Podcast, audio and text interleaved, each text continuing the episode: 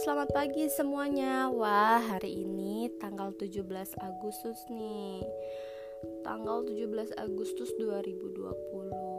Ikut senang ya karena hari ini kan hari kemerdekaan Republik Indonesia. Uh, sedihnya kenapa? Karena tidak semeriah tahun-tahun yang biasanya. Tapi kalau kita flashback nggak terhitung berapa banyak nyawa dan tetes darah yang pahlawan berikan kepada kita untuk membela bangsa kita ini. Udah nggak terhitung berapa banyak doa dan harapan mereka buat Indonesia ini. Oleh karena itu, kalau bukan kita, siapa lagi yang akan melanjutkan perjuangan mereka? Dan kita sebagai pemuda-pemudi Indonesia, kita kita bantu wujudkan doa harapan mereka untuk Indonesia yang lebih baik. Indonesia ini kan kita uh, Indonesia ini kan tempat di mana kita berdiri. Negeri kita tercinta. Mari kita ikut merdekakan Indonesia ini dengan melakukan hal-hal yang positif ya. Dengan melakukan hal-hal yang kreatif, jangan jadi pemuda-pemuda yang bandel. Ingat ya, jangan mencemarkan jangan berbuat hal-hal negatif yang bisa mencerman, mencemarkan bangsa kita ini. Masih dengan Jihan di sini. Dan di episode yang sama Jihan bakal lanjutin kisah masa kecil Jihan di mana banyak banget yang request minta diterusin episodenya. Minta diterusin gitu. Ya, ya udah kalau misalkan emang banyak yang suka Jihan bakal terusin. Uh, berarti part 3 ya ini ya. Kisah masa kecil Jihan. Nah jadi apa pun yang terjadi saat itu Jihan aku itu nggak pernah ngeluh dan selalu bersyukur akan hal-hal itu. Dan bersyukurnya lagi Jihan tuh nggak kayak anak kebanyakan yang selalu saat minta itu harus ada. Nggak nggak Jihan nggak kayak begitu. Setelah uh, Jihan pindah dari rumah gubuk itu kan Jihan kan masih ada kakak ya di atas Jihan ya. Itu kita usianya cuma beda setahun Kakak Jihan itu jarang banget di rumah. Dia lebih nyaman tinggal di rumah kakeknya. Karena memang dia itu cucu kesayangan kakek Jihan. Gitu loh. Jadi setiap kali dia minta apa pun yang dia butuh pasti diturutin. Kehidupan Jihan sama kehidupan kakak Jihan itu berbeda banget walaupun kita cuma beda setahun entah apa yang membeda-bedakan antara Jihan sama kakak Jihan tapi kakek Jihan itu memang lebih sayang ke kakak Jihan. Ya begitulah pokoknya. Entah apa yang membeda-bedakan Jihan juga nggak tahu. Sementara Jihan di sini harus tinggal sama ibu Jihan yang saat itu cuma pedagang kaki lima. Jihan udah cerita sebelumnya itu pun syukur-syukur Jihan dalam sehari bisa makan. Karena memang Jihan saat tinggal sama ibu Jihan itu kita cuma makan sehari sekali. Itu pun di siang hari. Pagi nggak makan siang baru makan setelah itu nunggu besok baru makan. Karena memang keadaan keuangan itu sulit. Cuma pedagang kaki lima yang dari pasar ke pasar gimana dapetin uangnya coba. Sementara Jihan juga harus sekolah gitu bahkan pernah ada suatu keadaan di mana sendal Jihan tuh putus. Sendal putus aja tuh harusnya tuh tinggal beli aja. Ini kan harus nunggu dulu ibu Jihan punya uang baru baru bisa beli gitu. Sampai dipaku-pakuin tuh sampai diakalin tuh sendal gimana caranya biar masih bisa dipakai. Sesulit itu memang. Terus Jihan juga pernah benar-benar ngerasa yang kayak keura kekurangan uang. Pernah benar-benar ngerasa kekurangan uang? Kekurangan uang jajan ya tapi nggak tahu gimana ngomongnya gitu. Akhirnya akhirnya karena ibu Jihan tuh orangnya kan kreatif ya dia suka masang payet-payet gitu mute-mute gitu di baju-baju akhirnya Jihan belajar sama ibu Jihan itu buat bikin gelang cincin. Terus Jihan jual ke teman-teman Jihan di kelas. Walaupun cuma dijual seharga 500 rupiah paling enggak bisa nambah uang jajan Jihan dari 2000 itu. Kan Jihan cuma jajan 2000 sementara sekolah pulang sore terus. Terus juga Jihan bantuin nyokap jualan kayak peyek keripik gitu di kelas-kelas sama guru-guru ya emang segitu susahnya hidup gua dulu. Nggak kayak anak-anak yang lain yang sekolah dibekelin dibawain air minum. Nggak kayak begitu guys. Terus ada suatu ketika di mana sekolah itu mengadakan study tour. Dan itu bayar bayar 35 ribu. Gua yang udah jauh-jauh hari bilang sama nyokap bujian mau study tour bayar 35 ribu. Terus nyokap cuma bisa jawab gini kenapa sih harus ikut-ikut tur? Ibu tuh nggak punya uang. Ibu nggak punya uang. Jian kan tahu ibu gimana kerjanya. Kayak gitu.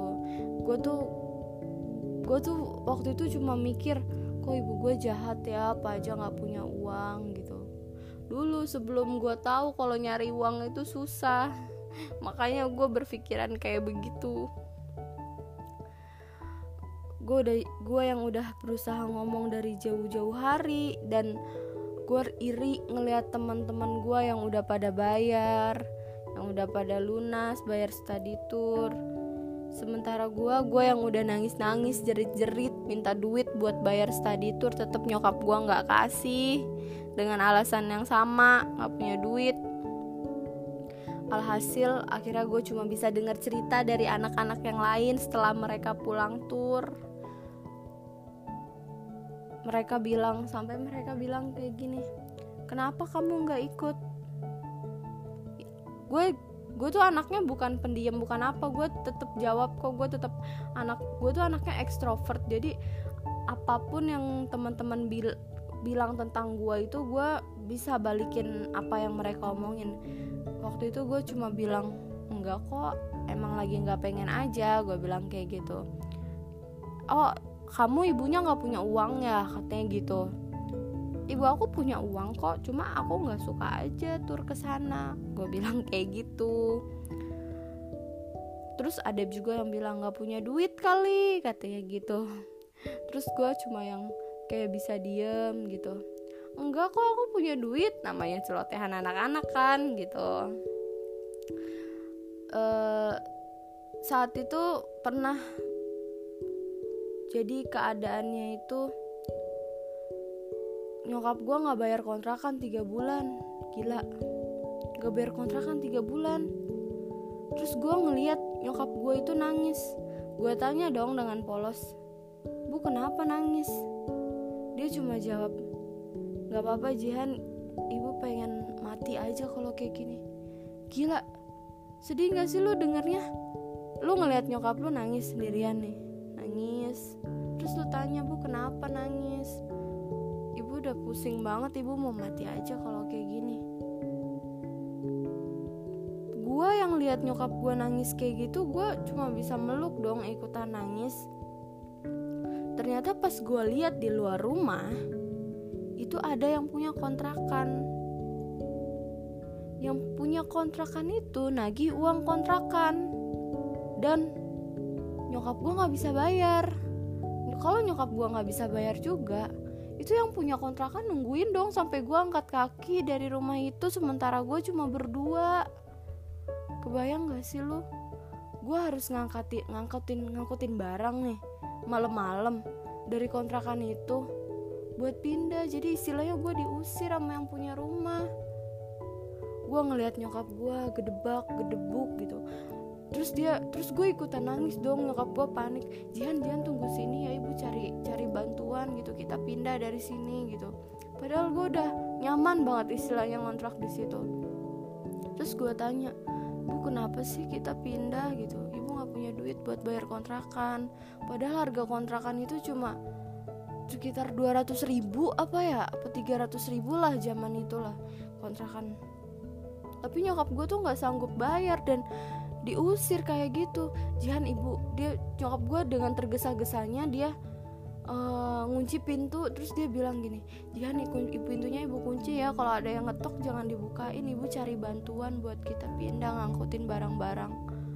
Malam itu juga gue pindah sama nyokap gue lo bayangin. Akhirnya ada yang ketok-ketok gue ketakutan siapa? Ternyata nyokap Jihan ayo kita beres-beres kita pindah malam ini juga ya gitu. Kita cari kontrakan yang lebih murah. Padahal cuma seharga 300 ribu loh tapi nyokap gue tuh nggak punya duit buat bayarnya. Dan kita bener-bener diusir. Lu kebayang gak sih kalau situ keadaan lu keadaan lu ada di posisi gue gitu? Bisa nggak lo bertahan kayak gitu? Dan gue pindah malam itu juga ke daerah pokoknya arah Priuk lah waktu itu. Sementara SD gue itu di daerah Jakarta Utara di daerah Rorotan sana. Itu kan jauh banget. Kalau gue tinggalnya jauh berarti kan harusnya ongkos gue lebih banyak.